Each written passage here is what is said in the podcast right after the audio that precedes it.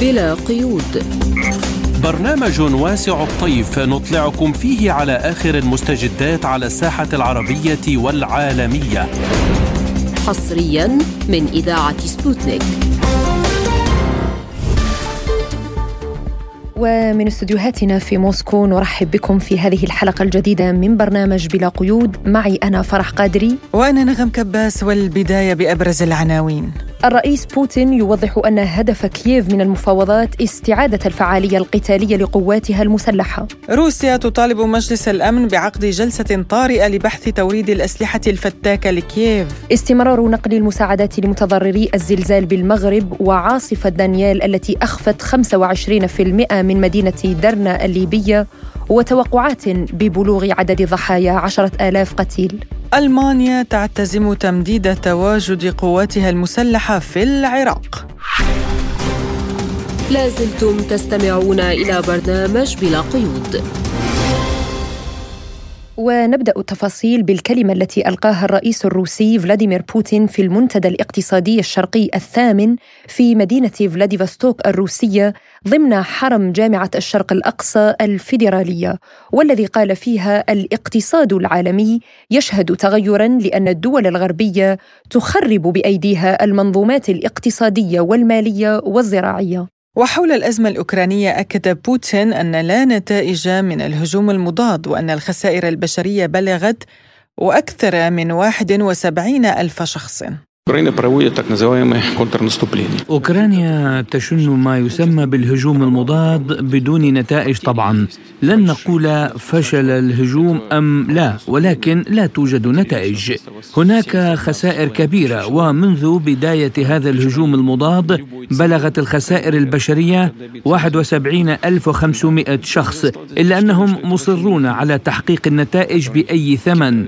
في بعض الأحيان يتولد انطباع بأن أن هؤلاء ليسوا أفرادهم الذين يزجون بهم في هذا الهجوم المضاد.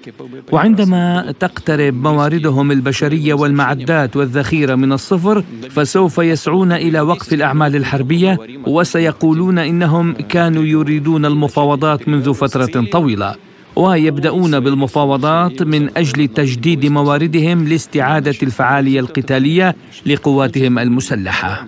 إذا كانت الولايات المتحدة تعتقد أن أوكرانيا مستعدة للمفاوضات فليلغوا مرسوم رئيس أوكرانيا الذي يحظر المفاوضات فقد أصدر الرئيس أيضا مرسوما يمنع نفسه وأي شخص آخر من التفاوض لذلك لا يمكن لأوكرانيا أن تبدأ المفاوضات إلا من أجل تجديد الموارد. وبالنسبة لروسيا فهي لن توقف الحرب ما دام العدو يقود هجوما مضادا. وقد أعلنت الولايات المتحدة علنا أن استخدام الذخائر العنقودية جريمة وتقوم هي نفسها بتزويد أوكرانيا بها. إن إمداد أوكرانيا بأسلحة جديدة بما في ذلك الذخائر العنقودية وقذائف اليورانيوم المنضب لا يؤثر على الوضع على الجبهات وإن تسليم طائرات F-16 إلى أوكرانيا لن يؤدي إلا إلى إطالة أمد الصراع. استمعنا إلى جزء من الكلمة التي ألقاها الرئيس الروسي فلاديمير بوتين في المنتدى الاقتصادي الشرقي الثامن في مدينة فلاديفستوك الروسية ويمكنكم مستمعينا الكرام متابعة الكلمة كاملة على الموقع الإلكتروني لسبوتنيك سبوتنيك dot ae وأيضا قناتنا على تليجرام سبوتنيك عربي. ولمناقشة أهم ما تطرق إليه الرئيس الروسي في كلمته ينضم إلينا عبر الهاتف مدير مركز الدراسات الاستراتيجية والتنبؤ السياسي الدكتور عمار قناة. أهلا وسهلا بك وشكرا لتواجدك اليوم معنا في بلا قيود. تحياتي لكم. يعني نبدأ من الرسائل التي أراد الرئيس الروسي فلاديمير بوتين إيصالها اليوم في هذا المنتدى. فيما يتعلق في الرسائل باعتقادي أننا قد تخطينا يعني خلال الفترة السابقة آه، مستوى أو مفهوم يعني الرسائل السياسية، اليوم يعني ما استمعنا إليه من الرئيس بوتين هو تلخيص يعني آه، واضح وشامل يعني للوضع الدولي والوضع آه، الاقتصادي وفيما يتعلق في الداخل الروسي وعلاقتها في جوارها وأيضا في المناطق يعني الأخرى، لكن إذا تكلمنا يعني عن الرسائل باعتقادي الرسالة الأهم وهي أن بان روسيا مستمرة مستمرة في عملها يعني الدؤوب والتوجه الكامل إلى التعددية القطبية والتي يعني باتت فعلا حقيقة والتمادي يعني الغربي أو الاستمرار أو التعنت يعني في محاولات الحفاظ على الأحادية باعتقادي باتت يعني تكلفهم الكثير. لكن أيضا هناك يعني معنى آخر لما قاله يعني الرئيس بوتين بأنه لا عودة تقريبا إلى الغرب. اليوم التوجه يعني التوجه السياسي والجيوسياسي والجيو اقتصادي هو ينطلق يعني من روسيا إلى إلى الشرق شرق العالم أو بمصطلح آخر كما يسمونه يعني اليوم جنوب جنوب العالم. وهو يعني ضمن الأخطاء الذي عبر عنها يعني الرئيس بوتين اخطاء الغربية التي وقعوا وقعوا بها. فلذلك يعني الرسائل واضحة وتلخيص كامل لما يجري اليوم في منظومة العلاقات الدولية. يعني نتحدث عن منظومة العلاقات الدولية اليوم. دكتور كان هناك قمة بريكس قمة العشرين أيضا المنتدى الاقتصادي العالمي وحققت روسيا نجاح نجاحات فيها كلها. يعني آه، هل هذا يعني بأننا اليوم أمام منظومة عالمية جديدة علاقات دولية تتشكل بطريقة مختلفة بين الدول برمتها ليس فقط بين روسيا والغرب؟ أتوافق تماما لكننا اليوم يعني آه، ما زلنا في بداية يعني التوجه والخطوات يعني الأولى لهذا العالم أو للنظام الدولي آه، الجديد بما يحتوي من منظومته يعني السياسية ومنظومته الاقتصادية، ما يعرقل اليوم يعني التوجه السلس إلى الانتقال إلى هذه المنظومة باعتقادي هو يعني الطرف الغربي والذي سيخسر الكثير وسيقدم يعني تنازلات اليوم. هذه هذه التنازلات هي مربوطة آه، بملفات انتخابية إن كانت في الولايات المتحدة أم يعني قريبا في المنظومة آه، الأوروبية، لكن نعم ممكن الحديث يعني مستقبلا بأن العالم بكل منظوماته هو في حالة متغيرة وسنصل يعني إلى مفهوم يعني هذه المنظومة والتي ستحكمها. يعني منظومة المنظومة آه، منظومة القانونية الدولية والتي تمردت عليها يعني الولايات المتحدة بمنظومتها الغربية بفرض مفهوم القواعد الذي بنوا عليه أساس هذه الهيمنة السياسية والاقتصادية، نعم نحن مقبلون على عالم عالم آخر ومنظومة علاقات ولكن ليس بالسهولة أن يرضخ الغرب دكتور يعني لهذا التغيير، هم يحاولون بشتى الوسائل عرقله هذا التغيير وهذا الانتقال. يعني ربما يدفعون العالم إلى حرب عالمية سيدتي لنبتعد عن الحرب العالمية لكن يعني العرقلة اليوم نراها جزئيا عسكرية آه، في في أوكرانيا، ما يجري اليوم في أوكرانيا هو جزء من هذه العملية والحفاظ أو محاولة الحفاظ على أماكن الهيمنة السياسية والاقتصادية، عندما نتحدث عن الحرب العالمية آه، الثالثة الكل يعي يعني جميع الأطراف آه، تعلم تماما بأنها لن تكون يعني حرب حربا. هي يعني ستكون أقصر حرب في في العالم. العالم. فلذلك يعني الكل يحاول اليوم تحسين مواقفه الانتخابية آه، عفوا التفاوضية القادمة للوصول إلى هذا لهذا العالم. فلذلك لدينا متسع من الوقت يعني من خلال إفرازات آه، آه، هذه الصراعات. يعني نراها اقتصادية في منطقة تجارية في منطقة أخرى عسكرية في كما نراه في في أوكرانيا. الولايات المتحدة والمنظومة الغربية ستستمر يعني في خلق هذه البؤر وذلك للعب على مسألة الوقت. فأنا أتوافق تماما. المسألة هي ليست يعني بهذه السهولة لكن تخطينا الكثير يعني من العقبات واليوم. آه، دول يعني العالم آه، كله يعني على على ثقة بأن العالم فعلا بدأ ينتقل إلى هذه المنظومة الجديدة. والدليل على ذلك تغير يعني المواقف آه، الدولية وخاصة يعني فيما يتعلق في الشرق الأوسط وأنعته يعني بالتمرد الشرق الاوسطي أو العربي على الهيمنة الأمريكية. لا لا يمكننا يعني حتى الحديث عن مثل هذه يعني الوقائع على سبيل المثال قبل خمس سنوات أو عشر سنوات. فلذلك نحن أمام وقائع جيوسياسية آه، جديدة فرضت يعني على العالم أجمع. ونحن الآن في حالة هذا المخاض الجيوسياسي. نعم يعني دائما أمريكا اعتادت أنها تأمر والدول آه، التي تستضعفها أو الدول بشكل عام تنفذ. يعني اليوم آه، كما قلت هناك عرقلة عسكرية وخطط لإضعاف روسيا واستنزافها ماديا ومعنويا وعسكريا. برأيك هل يمكن القول اليوم وبعد هذه هذه السنة والنصف من أن الخطط الغربية باءت بالفشل في مواجهة روسيا؟ آه، نعم ممكن القول بكل يعني ثقة فقد رأينا خلال العام والنصف يعني أن الولايات المتحدة قد استخدمت وقد استنفذت جميع الأوراق.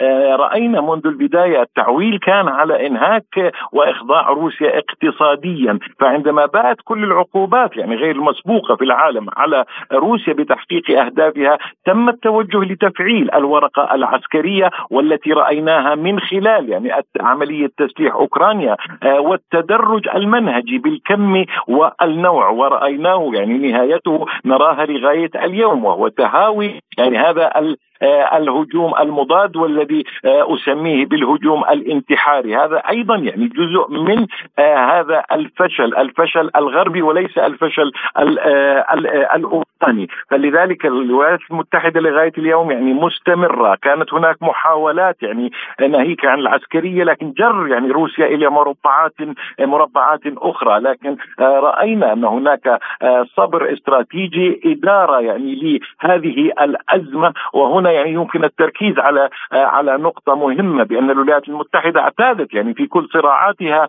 آه، السابقة بأنها هي من تدير يعني هذه آه، آه، الصراعات أو المعادلات الدولية، لكن في هذا الصراع رأينا أنها قد فقدت يعني فقدت هذه الإدارة وتفتقد إلى الرؤية الاستراتيجية لما بعد هذه الأزمة. فقدت الإدارة دكتور في بعض الدول ولكن هي في آسيا اليوم مثلا ما زالت مؤثرة هي تدعم تايوان هي تحرض اليابان وكوريا الجنوبية للدخول في الصراع وفي الأزمة في أوكرانيا بينما مثلا الصين اليوم وأيضا رئيس كوريا الشمالية في آه، روسيا ف كل هذا هل يعني بأن الولايات المتحدة ما زالت مسيطرة على بعض الدول في آسيا؟ ما تأثير هذه الدول الآسيوية على روسيا؟ فيما يتعلق يعني في العلاقة آه، الأمريكية الأمريكية آه، الآسيوية أو الشرق آسيوية. هذه يعني معادلة أيضا هي آه، معادلة يعني جدلية فيما يتعلق في اليابان كوريا الشمالية وكما تفضلت يعني حول تايوان. لكن يعني هي لا تسيطر بالكامل. نحن ما زلنا في هذا الصراع المستمر. وكما تحدثنا يعني في السابق وقبل بداية الأزمة العسكرية في في أوكرانيا أن الهدف الاستراتيجي الاستراتيجي كان لدى الولايات المتحدة آه، هي آه، إنهاك اولا يعني روسيا والاتحاد الأوروبي للتفرغ إلى المعادلة القادمة وهي آه، في بحر بحر الصين. وهذا كان جزءا من المشروع يعني المشروع الجيوسياسي الأمريكي والذي تبناه الرئيس أوباما.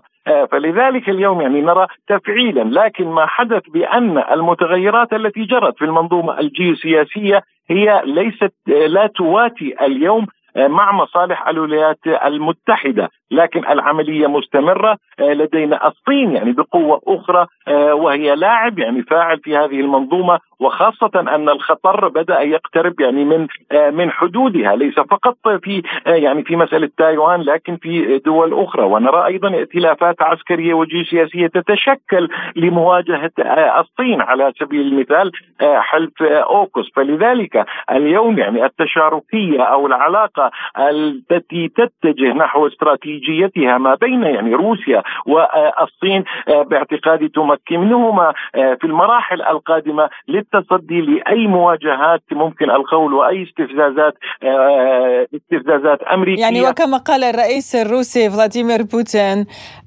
الصين الغرب تأخر في إيقاف الصين. شكرا جزيلا لك مدير مركز الدراسات الاستراتيجية والتنبؤ السياسي الدكتور عمار قناة. شكرا لك على هذه المداخلة. شكرا شكرا لكم. لازلتم تستمعون إلى برنامج بلا قيود. وفي ملفنا التالي طلبت روسيا عقد جلسة طارئة لمجلس الأمن الدولي اليوم الثلاثاء لبحث مسألة توريد الأسلحة الغربية إلى أوكرانيا والعوامل الأخرى التي تؤثر سلبا على آفاق حل الأزمة في أوكرانيا. بدوره صرح نائب رئيس مجلس الأمن الروسي ديمتري ميدفيديف أن الأوروبيين أخبروا جميع الروس بشكل مباشر ومن دون أي مجاملة أنتم أناس من الدرجة الثانية بالنسبة لنا معتبرا أنه من الأفضل أن يتم تعليق العلاقات الدبلوماسية مع الاتحاد الأوروبي لبعض الوقت وسحب الموظفين الدبلوماسيين وإعادتهم إلى روسيا. وللمزيد حول هذا الموضوع ينضم إلينا عبر الهاتف أستاذ العلاقات الدولية والمستشار السياسي الدكتور حامد فارس.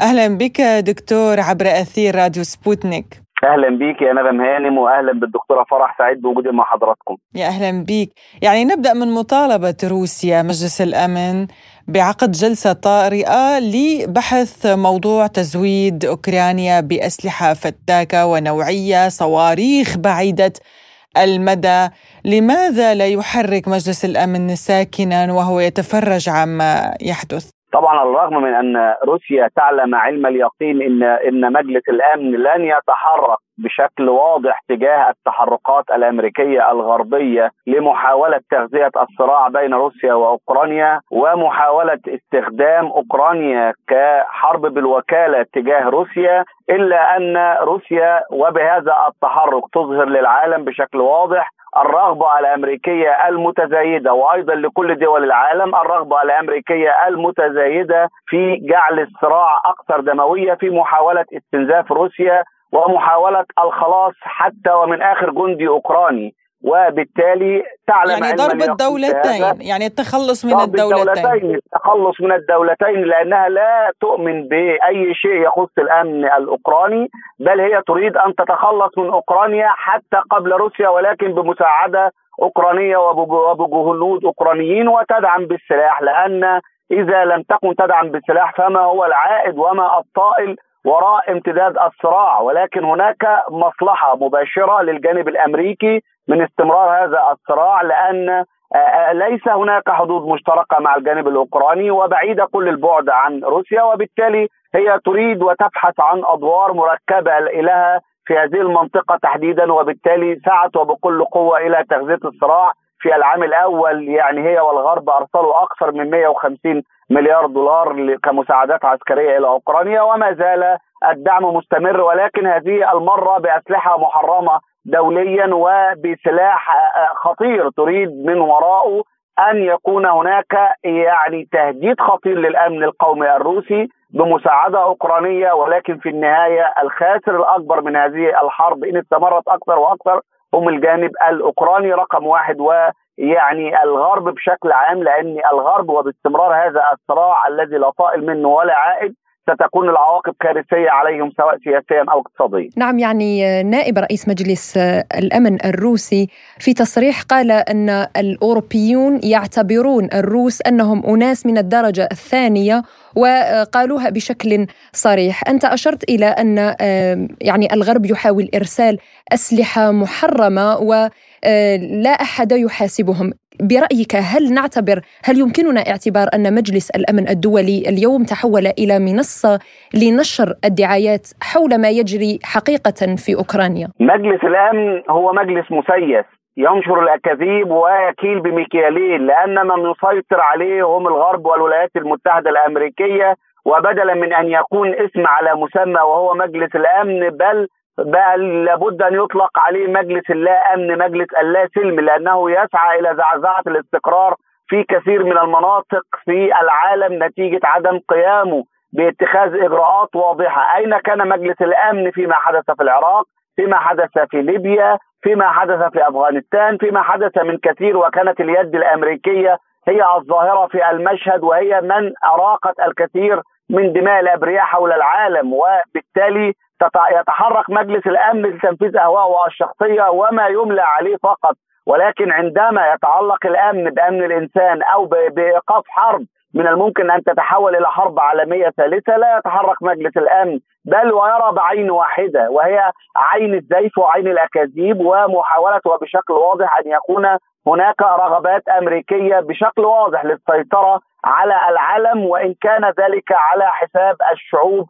وإن كان ذلك على حساب الأمم وإن كان ذلك على استمرار حرب كبيرة ودروس من الممكن أن تتوسع بين روسيا وحلف الناتو. لأني يعني أنا هدي مثال بسيط جدا عندما كان يعني آه، تعارض مصالح بين فرنسا والولايات المتحدة الأمريكية وفي موقف قريب وهو النيجر نرى أن الولايات المتحدة الأمريكية تركت فرنسا تماما. وتركتها بعيدة عن المشهد وهي تتحرك الآن لمحاولة أن تتواجد في النيجر لتحقيق مصالحها حتى وإن كان ذلك على حساب أهم حلفائها يعني شكليا وهو فرنسا. نعم دكتور أيضا تحدثت حضرتك عن توسع هذه الحرب جغرافيا ودخول دول جديدة فيها، اليابان اليوم تقول بأنها ستبدأ مناقشة الضمانات الأمنية بالنسبة لأوكرانيا، هل سيؤدي ذلك برأيك إلى توتر العلاقة بين طوكيو وموسكو؟ في ظني وتقديري أن هناك رؤوس حربه تستخدمهم الإدارة الأمريكية في محاولة اتساع دائرة الصراع بينها وبين موسكو بشكل واضح ومن ضمن هذه الرؤوس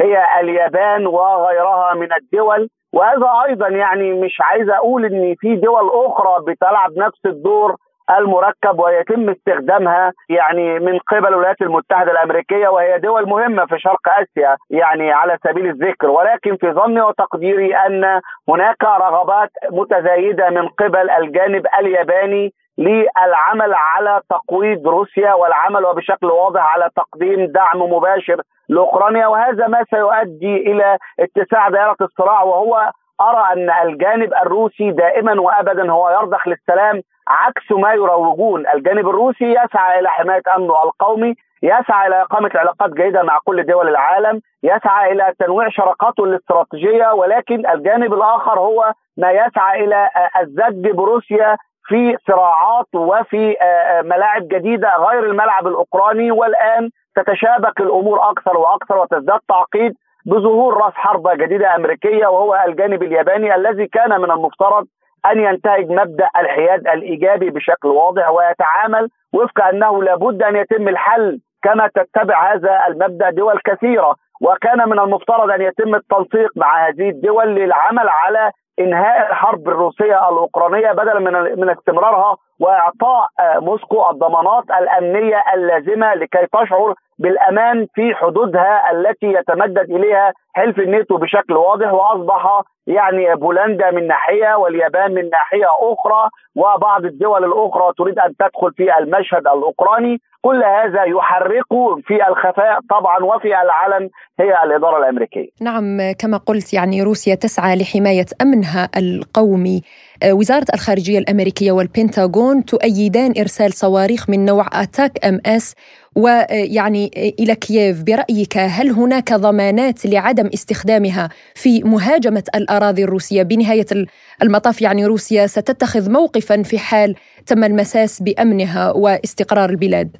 طبعا لا توجد أي ضمانات. كل الشواهد في الفترة الأخيرة تؤكد الولايات المتحدة الأمريكية عندما تقوم بمنح هذه الصواريخ التي من الممكن أن تصل إلى العمق الروسي. فما ما هو الذي يمنع أوكرانيا من استخدامها؟ ولكن في ظني وتقديري أن الولايات المتحدة الأمريكية بتلعب لعبة خطيرة جدا وهي تحاول أن تتحرك بشكل واضح في تقويض روسيا من كل الاتجاهات في آسيا في في على حدودها مع بولندا وبيلاروسيا وأيضا على الحدود الأوكرانية. وتغذية الصراع ونقل الصراع لمرحلة جديدة هو الشغل الشاغل للاداره الأمريكية وهي تستغل الحرب الروسية الأوكرانية لاستمرار أمد الصراع وزيادة حدته وليس لانهائه، كان من المفترض أن أن تكون الدولة التي نقول عليها هي الدولة الكبرى والأهم في العالم والتي تجلس على كرسي رئاسه العالم، كان من المفترض أن تتحرك لوأد الحرب من بدايتها وكان هذا من الممكن جدا عندما تم التقارب الروسي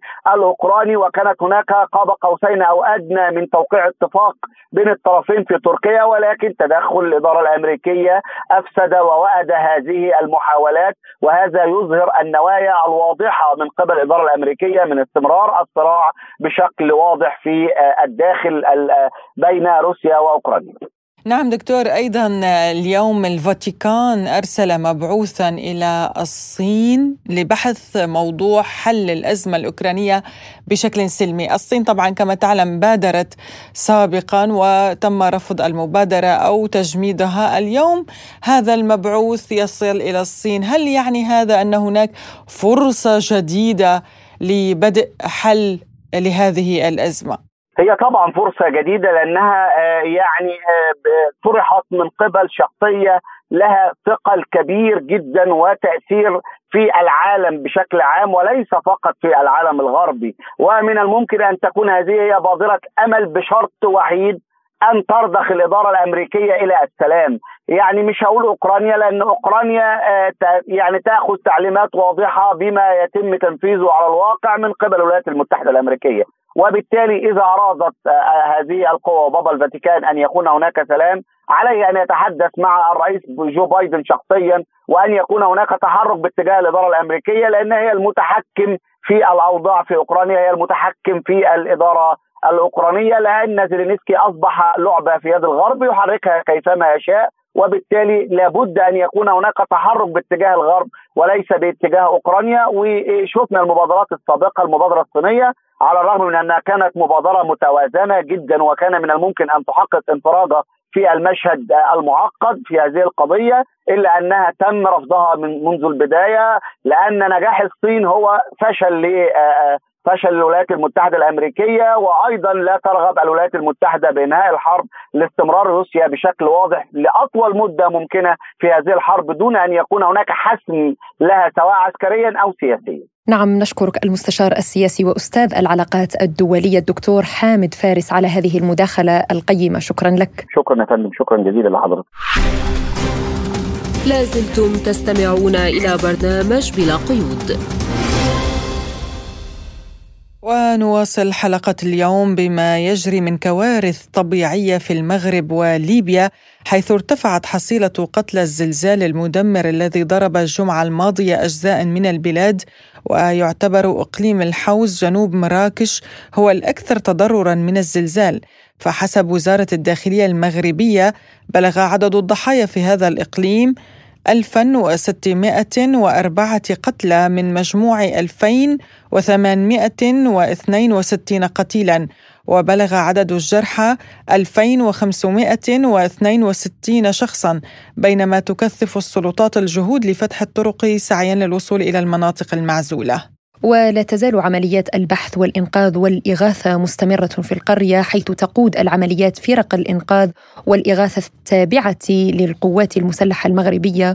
وأكدت من جهتها الحكومة المغربية قدرة الرباط على تجاوز محنة الزلزال وأنها ترحب بكل المبادرات التضامنية من مختلف أنحاء العالم منوهة إلى أنها ستقوم بكل ما يلزم لإعادة إعمار ما تم تدميره. وأعلنت الجزائر إرسال مساعدة لوجستية ومادية عاجلة إلى المغرب وذلك في إطار إعلانها في وقت سابق استعدادها لتوفير المساعدات للشعب المغربي الشقيق من أجل مواجهة مخلفات الزلزال حيث أمرت السلطات بتجهيز ثلاث طائرات اثنتان منها خاصتان بالأدوية والافرشه والخيم والمواد الغذائية. فيما ستنقل الطائرة الثالثة عناصر الحماية المدنية الجزائرية المرفقة بكافة التجهيزات والوسائل الخاصة للتعامل مع هذا النوع من الكوارث فيما تنتظر الجزائر الضوء الأخضر من وزارة الخارجية المغربية لإقلاع الطائرات باتجاه المناطق المتضررة في المملكة المغربية وذلك بعد إتمام الإجراءات الخاصة بذلك. مراسلنا في مراكش الزميل محمد حميدة ينقل لنا التفاصيل مباشرة من هناك وكيف هو حال الأهالي والمنطقة بعد هذا الزلزال المدمر. آه، يعني حتى هذه الساعة تستمر عمليات آه، الإنقاذ وعمليات المتابعة رفع الأنقاض أيضا من المناطق آه، المتضررة. هناك صعوبة الحقيقة في الوصول إلى المناطق المتضررة كونها تقع على بعد مسافات كبيرة من مركز مدينة مراكش. هي الطرق أيضا وعرة في المؤدية إلى هذه المناطق الواقعة بين جبال الأطلس. لكن الملفت على أو ملفت النظر آه، خلال آه، هذه المناطق آه، أنه على طول الطرق نجد السيارات المحملة بالمواد الغازيه بالمساعدات بالكثير من المواد الطبية أيضا. كل القرى تقريبا من بداية مراكش ما يقرب من 100 كيلو متر على جانبي الطريق. ستجدين كل قرية أمامها السيارات المحمله بالمساعدات سواء كانت مساعدات طبية أو غذائية أو ملابس أو حتى أغطية وبعض المراتب أيضا ل وكذلك أيضا هناك انتشار كبير للمستشفيات العسكرية والمستشفيات الطبية لأن هناك الكثير من هذه المناطق تضررت خلال هذا الزلزال. هناك حالة تكاتف تكاتف كبيرة الحقيقة من الشعب المغربي كما عرف عنه دائما أنه شعب كريم يعني من جميع المدن ربما وليس من مراكش فقط تجمع المساعدات وترسل إلى هنا. أيضا عمليات الإغاثة وعمليات نقل المصابين وربما الضحايا تتم أيضا بالطائرات يعني خلال الانتقال شاهدت العديد من الطائرات العسكرية الطائرات المروحية الأباتشي عذرا الهليكوبتر تقوم بنقل المصابين من هذه المناطق ربما بسبب أن الطرق وعراء وضيقه ربما بعض الشيء. أيضا سيارات الإسعاف يتواجد الهلال الأحمر والصليب الأحمر وجميع المؤسسات الاغاثيه المواطنون أيضا يقومون بربما بنقل المساعدات بسياراتهم الخاصة. واحيانا ربما يقومون بالمساعدة بنقل المصابين. يعني حاله تكاتف غريبة ولكن الوضع صعب حقيقة نعم نعم. هناك الكثير من الخيم التي نصبت في الأماكن المتضررة إلى جانب المستشفيات والى جانب يعني المخيمات الخاصة بتقديم الإسعافات الأولية وعلاج المصابين. هناك أيضا مخيمات أو خيم نصبت للأهالي الذين تركوا منازلهم والذين فروا سواء الذين تضررت منازلهم جزئيا أو التي هدمت منازلهم بشكل كامل. هناك الكثير طوال الطريق.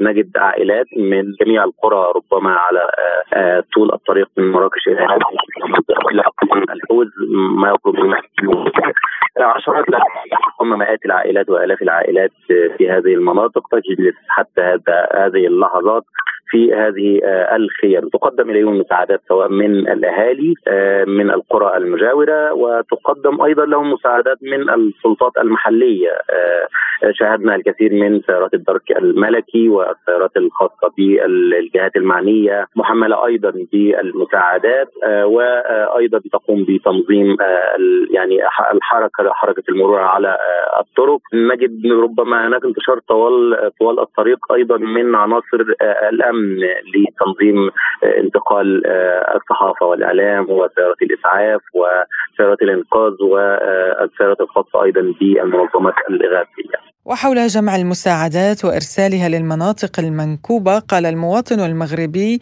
سعيد درة لمراسل سبوتنيك هناك. وعن هذه القرية اللي تنسكن فيها تنجمعنا هذه المساعدات اللي هي قرية العشاش جامعة حربي مراكش. هذه الفاجعة يعني هذا الزلزال ديال الحوز اضطرينا إحنا كساكنة اضطرينا نجمعوا هذه المساعدات باش نساعدوا الاهالي ديالنا الجبال باش المهم جمعنا مساعدات الحمد لله من الناس ديال الاهالي ديال القرية كلهم ما, دخلوش علينا المساعدة ديالهم. وبينا نلبيو الطلب الإخوان ديالنا وبينا نساعدهم بأبسط الحاجة. وهذا الشيء اللي يعني إن شاء الله القافله تجعل تجعل بالضبط لجماعه إيغيل. يعني تما فين كاين الناس فين كاين يعني بؤرة بؤرة الزلزال وفين كاين يعني فين كانت الفاجعة الكبرى. ونتمناهم الله نتمناهم الله اللطف وشكرا جزيلا. شكرا جزيلا.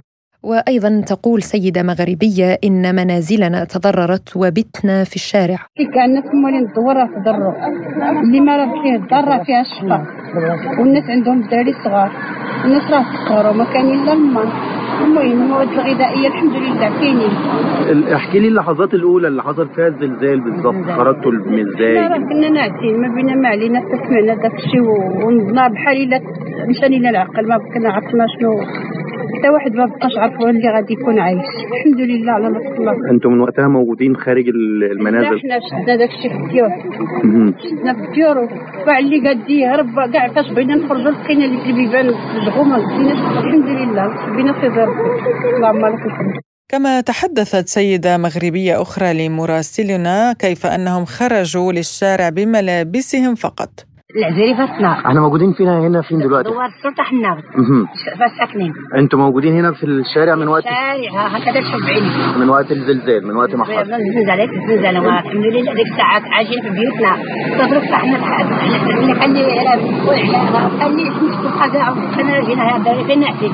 من وقت الشارع. في الشارع هنا. الشارع ولدي آه كل بالأطفال. إحنا ما تكتب هلا فين نحكي ندير داك خوام داك الشكل نديروا للدراري من البرد دورنا عليهم صباح نحيد هذاك الشيء اللي كان.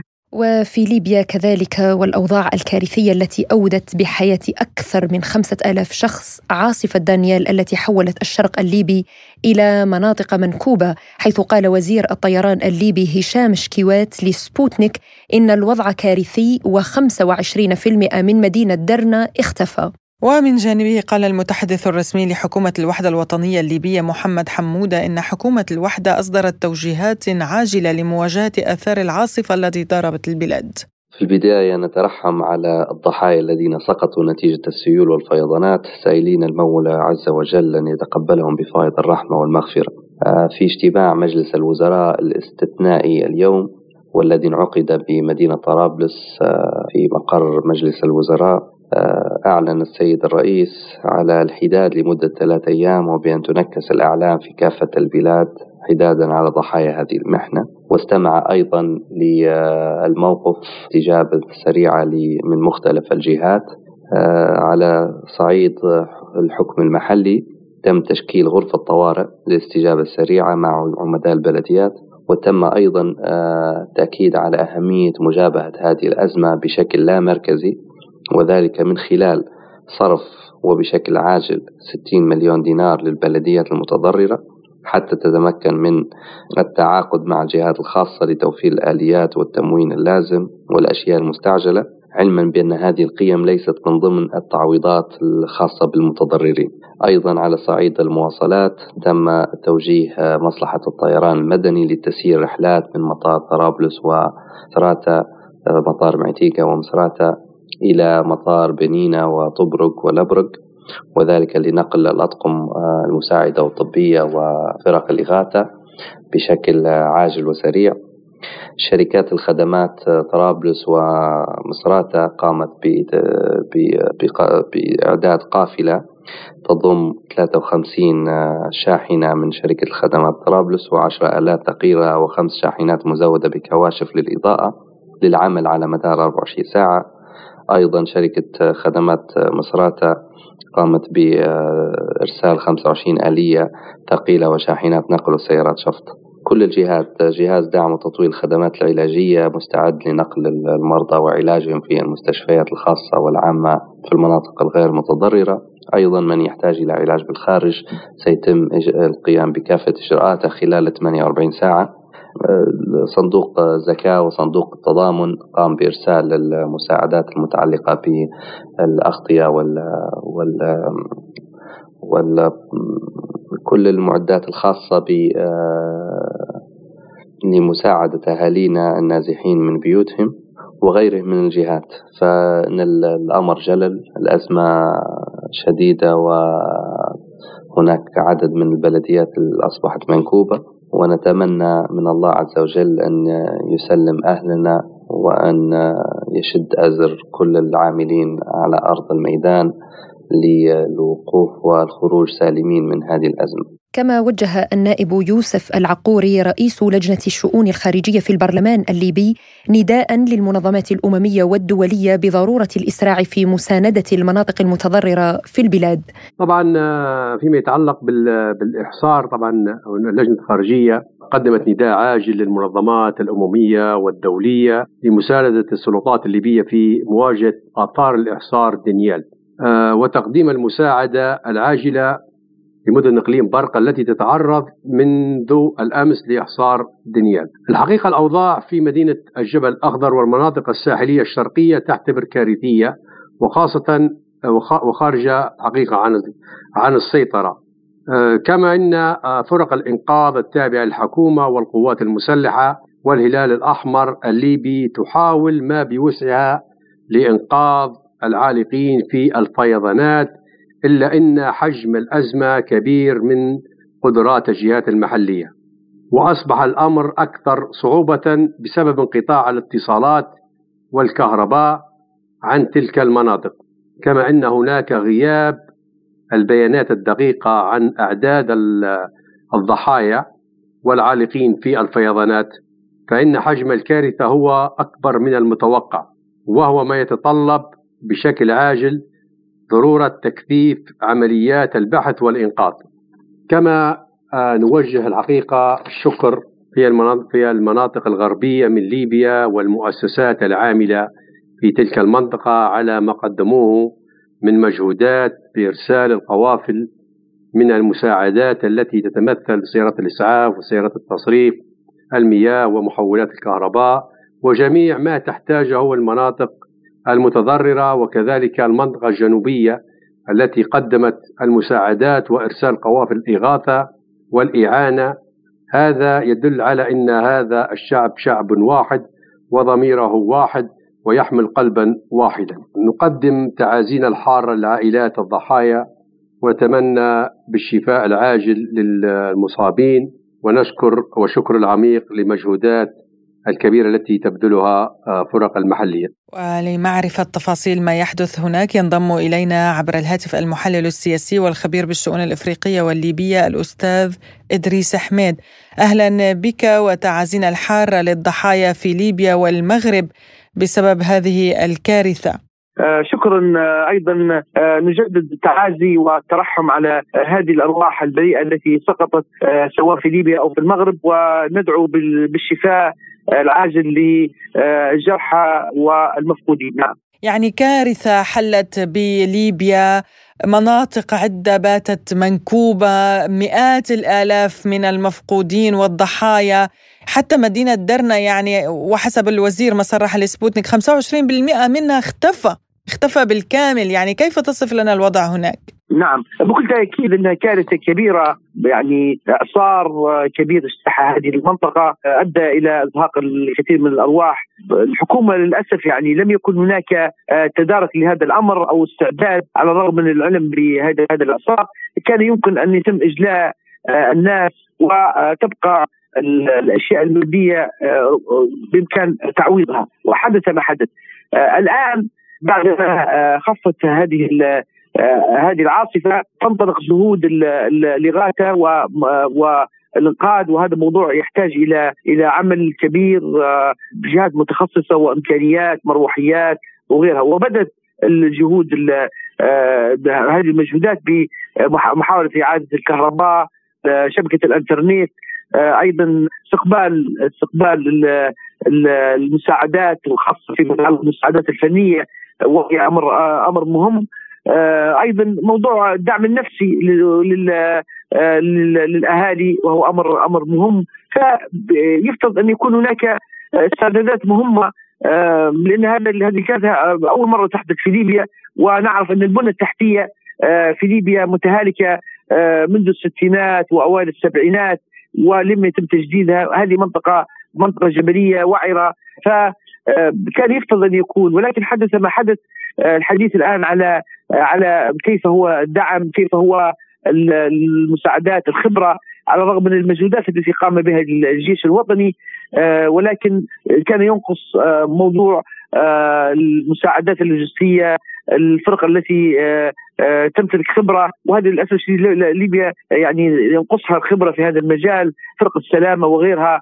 فهذا أمر هو يحتاج إلى إلى مزيد. أيضا الحكومة عليها أن تفكر ما بعد هذه الكارثة في الاعمار وفي تعويض الأهالي وفي علاج الجرحى أيضا البحث عن المفقودين. فهذه كلها أمور ما بعد هذه الكارثة. نعم. نعم يعني أستاذ حميد هل برأيك في ظل هذه الكارثة الطبيعية يمكن للسلطات الليبية اليوم أن تنحي الخلافات السياسية جانبا وتنظر لحل المشاكل الطبيعية كأولوية قصوى. نعم للأسف الشديد عندما تحدث الكوارث نسمع آه، كلام المسؤولين بتنحيه الخلافات و وفي الوقت الذي هم اهملوا فيه مهام عملهم والمسؤوليه التي يتحملونها، يعني الآن حدث ما حدث ولكن العبرة في الاستفادة، آه، العبرة آه، من خلال الرسائل الواضحة لمفادها ان إن البلد محتاجة إلى تنمية، محتاجة إلى إعمار، محتاجة لتوجيه الأموال والإمكانيات التي تملكها ليبيا في التنمية والاهتمام والاهتمام بالإنسان، فهذا يعني سؤال مطروح لدى حكومه الوحدة الوطنية التي تملك الإمكانيات الكبيرة. فكان عليها أن تهتم ولعل هذا هذا احدى الإدانات التي تتحملها الحكومة. آه ولابد أن يقال يقال هذا الكلام من أجل العبرة ومن أجل الاستفادة من هذه من هذه من هذه الأخطاء، نعم آه وتوحدت الجهود الاجتماعية والمنظمات الأهلية والهلال الأحمر وغيرها واثبت الليبيون أنهم طبعا وحدة واحدة بكل تأكيد أن الليبيين آه ليس لهم بينهم خلافات ولكن الأطراف السياسية هي التي آه هي التي تسيطر على المشهد السياسي وهي التي آه يعني آه أوصلتنا إلى ما نحن فيه من هذه الكوارث التي قد تحدث في أي حين وآخر. لذلك أعتقد أن هذه فرصة ليبيين آه وللنخب الليبية آه وإلى الشارع الليبي بأن يستنهضوا الهمم وأن آه يعجلوا بنبذ السلبيه من أجل ضغط على الحكومات ومن أجل السير نحو الانتخابات وبناء دولة المؤسسات ودولة الدستور. طيب ماذا عن التضامن الدولي في إيصال المساعدات للمناطق المنكوبة اليوم؟ هل هناك تضامن عربي تضامن دولي مساعدات تصل بالفعل؟ نعم بكل تأكيد. هذا هذا متعارف عليه بين الدول يعني يجب أن تساعد بعضها وتقدم المساعدات الفنية والمساعدات مختلف انواع المساعدات فهذا هو دور مهم جدا وهو رافد يعني تعاون الدول بإيجابية ف هناك كثير من الدول عرضت تقديم مساعدات بل هناك دول انطلقت في تقديم مساعدات تركيا مصر الجزائر المغرب تونس مصر. نعم نشكرك المحلل السياسي والخبير بالشؤون الإفريقية والليبية الأستاذ إدريس حميد كنت معنا من ليبيا. لازلتم تستمعون إلى برنامج بلا قيود. ملفنا التالي عن خطط الحكومة الألمانية تمديد ولاية مهمة تدريب القوات المسلحة في العراق والتي تنتهي في الحادي والثلاثين من أكتوبر تشرين الأول المقبل ويعتقد رؤساء وزارتي الخارجية والدفاع الألمانيتين أن نشر القوات المسلحة الألمانية لا يزال ضروريا في العراق لأن العراق يحتاج إلى قوات أمن مستقلة لمنع تنظيم داعش الإرهابي المحظور في روسيا الاتحادية من اكتساب القوة حسب وصفهم. وأعربت الحكومة العراقية عن رغبتها الواضحة في مواصلة المهمة وهو ما تم التعبير عنه بوضوح خلال زيارة رئيس الوزراء العراقي محمد شياع السوداني إلى برلين فهل جاءت هذه الخطوة في صالح العراق والدول المجاورة؟ للإضاءة أكثر على هذا الموضوع نستضيف معنا الخبير بالشؤون العراقية الاستراتيجية الأستاذ جاسم الغرابي أهلا وسهلا بك في برنامجنا وبداية كيف ترى واقع التواجد الإرهابي لتنظيم داعش في العراق؟ يعني في ضوء المستجدات العسكرية الموجودة على الواقع في الأرض والمعركة داعش الموجودة اليوم. في سوريا وفي العراق. وعلما أن داعش اليوم نشط في سوريا وعلى الحدود العراقية السورية، اليوم القوات العراقية ترى الحكومة العراقية وخاصة القيادة العامة للقوات المسلحة بأن ترى أن الدعم التحالف الدولي للعراق للتدريب والتسليح يجب أن يبقى في في ظل التطورات العسكرية الموجودة على الأرض، اليوم القوات العسكرية غير مجهزة تجهيز كامل وتجهيزها تجهيز إحادي من الولايات المتحدة الأمريكية والولايات المتحدة الأمريكية يعني لا تعطي الأسلحة الكاملة للجيش العراقي فيبقى الجيش العراقي محتاج إلى تدريب وإلى إلى عناية من باقي الدول، علما أن ألمانيا من ضمن الدول الداخلة في التحالف الدولي والتي جاءت بقرار أممي وبموافقة الحكومة العراقية، فأعتقد أن القوات العراقية اليوم تحتاج إلى دعم الدول العالمية الكبرى وخاصة العسكرية منها لغرض تطوير قدرات الجيش العراقي. طيب يعني أستاذ جاسم هل برأيك يمكن أن تكون هناك عواقب من بقاء القوات المسلحة الألمانية في البلاد؟ نحن نتمنى أن تخرج كل القوات الأجنبية من العراق، اليوم القوات العراقية إذا اعتمدت على نفسها بقدراتها العسكرية أعتقد سوف تكتمل جهوزيتها. ولكن نوعية السلاح، نوعية التجهيز، اليوم العراق مغلق، العراق طالما أراد أن يتسلح من من من روسيا العظمى ولكن هناك ضغط أمريكي للعراق أن لا يتسلح. لا صين لا روسيا لا من كل هذه الدول، فأنا أعتقد آه، تواجد قوات دولية على الواقع على الواقع العراقي هو آه، فرض أمر واقع. يعني حتى الحكومة العراقية أنا في اعتقادي لا تستطيع اليوم إخراجها لأنه آه، ضعف قدرات وتسليح الجيش العراقي يحتم على الحكومة العراقية بقاء هذه القوات وأكيد يشكل عامل ضغط على هذه الدول وخاصة دول الجوار. بالنسبة للدول المجاورة هل برأيك ستوافق على التواجد الألماني في المنطقة؟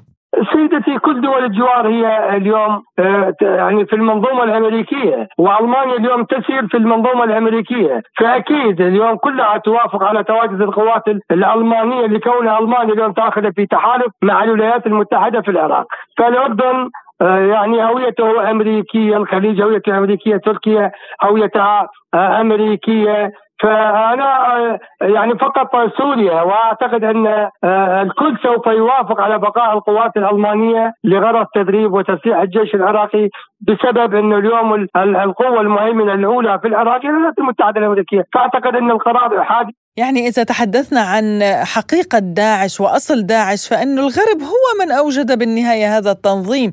اليوم يريد محاربته برأيك هل حقا التواجد الألماني ضروري في العراق لمحاربة التنظيم؟ يعني فعال؟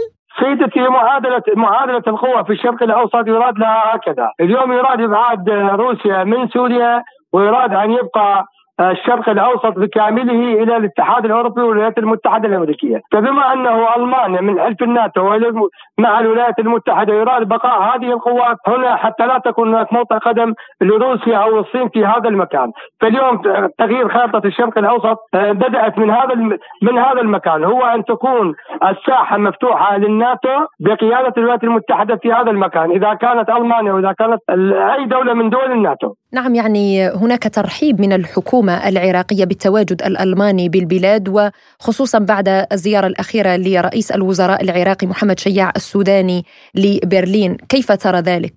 سيدتي أنا قلت لك في مقدمة الحديث، اليوم العراق قراره مصادر، مصادر من الولايات المتحدة الأمريكية من التحالف الدولي، من دول الإقليم، اليوم العراق متفكك، القرار السياسي فيه ضعيف، حتى الكتل السياسية تدير المشهد السياسي في العراق تبتني باحضان تلك الدولة أو تلك الدولة، هذا مما أدى إلى ضعف القرار السياسي، فأكيد أن السيد السوداني عندما يذهب إلى برلين أو غير برلين يقول نعم نحتاج إلى التدريب ونحتاج إلى التطوير لأنه لحد الآن قدرات الجيش العراقي غير جاهزة وغير متكاملة ولا يوجد قوة بدليل داعش لحد هذا اليوم يقاتل ويقتل ويهجم على القوات العراقية وهو تقريبا متواصل في الهجمات على القوات العراقية. وهذا دليل على ضعف القوات العراقية ولولا وجود قوات الحشد الشعبي التي تشكلت بفتوى المرجعية النجف لما كان هناك جيش عراقي في العراق. فأعتقد أن القرار مصادر في العراق بيد التحالف الدولي والتحالف الدولي هو الناتو. نعم شكرا جزيلا لك الخبير بالشؤون العراقية الاستراتيجية الأستاذ جاسم الغرابي على هذه المداخلة. لازلتم تستمعون إلى برنامج بلا قيود. موضوعنا الأخير عن طائرة ركاب هبطت اضطراريا على أرض مفتوحة قرب إحدى قرى مقاطعة نوفو سيبيرسك الروسية وذلك بعد أن أطلقت إشارة استغاثة وفقا للطوارئ المحلية ووفق المعطيات الأولية. تم الهبوط بسلام. وقال حاكم نوفا سيبيرسك أندري ترافنيكوف حسب المعلومات الأولية كان على متن الطائرة التابعة لشركة أورالسكي أفيالينيا نحو 170 شخصا بينهم 23 طفلا ولم يصب أحد بأذى أثناء الهبوط. بدوره قال سيرجي سكوراتوف المدير العام لشركة طيران أورال. اعتبر الكابتن أنه من الضروري المغادرة إلى مطار بديل في نوفوسيبيرسك. والسبب هو أن الشريط في أومسك يبلغ طوله 2500 متر أما في نوفوسيبيرسك ثلاثة آلاف. فاتجهوا إلى هذا الطريق وبعد ذلك أدرك كابتن طائرة أنه قد لا يكون هناك ما يكفي من الوقود للهبوط في المطار في نوفوسيبيرسك. فقرر أن يهبط بالطائرة في مساحة معينة تم اختيارها من الجو مع تفعيل جهاز الهبوط وهو ما تم فعله بنجاح. قرر الكابتن أنه لن يكون هناك ما يكفي من الوقود وأنا اتفقت معه فهو على الطائرة وأنا على الأرض. وقالت الراكبة أن أسانفا عن الذي حدث. عندما اقتربنا من أومسك وبدأنا بالانخفاض تم الإعلان عن درجة الحرارة هناك وفجأة قالوا أن الطقس في أومسك كان سيئا. وأننا سنهبط في نوفوسيبيرسك. في البداية لم يشعر الركاب بأي قلق ولكن بعد ذلك تم الإعلان بشكل مفاجئ. أنه إذا كان يوجد بين الركاب عسكريون أو أفراد من وزارة الطوارئ ليتوجهوا إلى قمرة القيادة ثم بدأوا يشرحون لنا قواعد السلوك أثناء الهبوط الاضطراري وأخبرونا أنه سيتعين علينا النزول الاضطراري والخروج بسرعة من الطائرة وترك كل أغراضنا. بدأت حالة من الذعر تسيطر على متن الطائرة. لم أرى أي دخان. ولكن بعد ذلك عندما عاد الركاب إلى الطائرة لإحضار حقائبهم اليدوية رأى الجميع أن جانبا واحدا كان يصعد منه الدخان. بعد الهبوط مباشرة وصلت الإدارة وخدمات الطوارئ من أقرب منطقة سكنية. طبعا لم يكن أحد بحاجة إلى مساعدة طبية ولكن الركاب كانوا متوترين. بينهم من يبكي وبينهم من عانى من ارتفاع ضغط الدم. وتم نقل الركاب على الفور إلى مركز ترفيهي محلي حيث تم تقديم الشاي والطعام لهم وقالت من جهتها الراكبة ألينا زخارفا أن معظم الركاب حافظوا على هدوئهم بينما بكى البعض من شدة الخوف.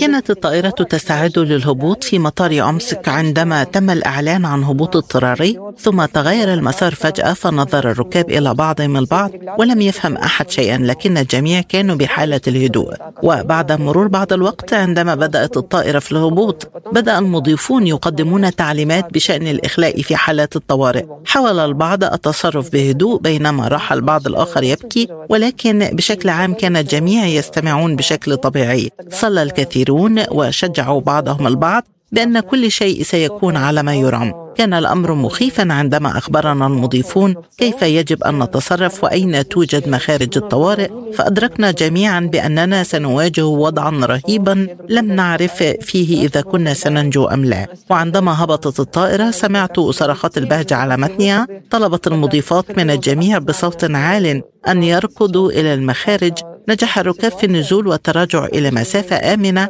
بعد ذلك عاد الناس تدريجيا إلى رشدهم. كان بين ركاب الطائرة من شعر بالسعادة ومن بكى وآخرون تلقوا الإسعافات الأولية المهدئة. الطيار سيرجي بيلوف هو بطل حقيقي. استطاع أن يقود الطائرة بكل سلاسة ولم يصب أحد باستثناء بعض الخوف. وكان سبب الهبوط الاضطراري هو مشاكل في النظام الهيدروليكي وكان الطيارون يخشون ألا يكون لديهم طول مدرج كاف في مطار أومسك. لذلك قرروا إرسال الطائرة إلى نافاسيبيرسك وتم إجلاء الجميع بشكل مستقل. يعني وهنا ننوه مستمعينا وفرح نذكر أيضا في حادثة مشابهة حدثت عام 2019 تحديدا في الخامس عشر من أغسطس من ذلك العام حين اصطدمت طائرة إيرباص تابعة لنفس الشركة شركة أورال أيضا. كان على متنها 226 راكبا وسبعة من أفراد الطاقم كانوا متوجهون من موسكو إلى سيمفروبل اصطدموا بسرب من طيور النورس تخيلي عند إقلاعها من مطار جوكوفسكي. الطيور دخلت في مداخل الهواء بمحركات الطائرة. فتوقف محرك الأيسر على الفور والطائرة يعني تحركت بمحرك ثاني فقط آه، وبدأ الارتفاع تدريجيا ينخفض يعني بدأت الطائرة تهبط فقرر الطاقم القيام بهبوط اضطراري للطائرة في حقل ذرة كان أمامها مباشرة يعني اليوم في حقل القمح وآنذاك في حقل الذرة. ذرة يعني آه، آه، حوادث مماثلة كما قلت وكان وقتها أكد رئيس الوكالة الفيدرالية للنقل الجوي ألكسندر نيرادكو في مثل هذه الحالة. كان هذا القرار هو القرار الصحيح الوحيد للهبوط بشكل اضطراري وإيقاف تشغيل المحرك الثاني وبطبيعة الحال لم يخفضوا جهاز الهبوط. وطبعا الرئيس الروسي فلاديمير بوتين منح لقب بطل روسيا لقائد الطائرة حينئذ ولمساعد الطيار كما حصل باقي أفراد الطاقم على أوسمة الشجاعة وعملوا فيلم عن هذا الموضوع فيلم روسي آه، سموه الاتجاه نحو الشمس حيث يوجد حقل الذرة لأنه كان الخيار الوحيد أمام آه، قائد الطائرة.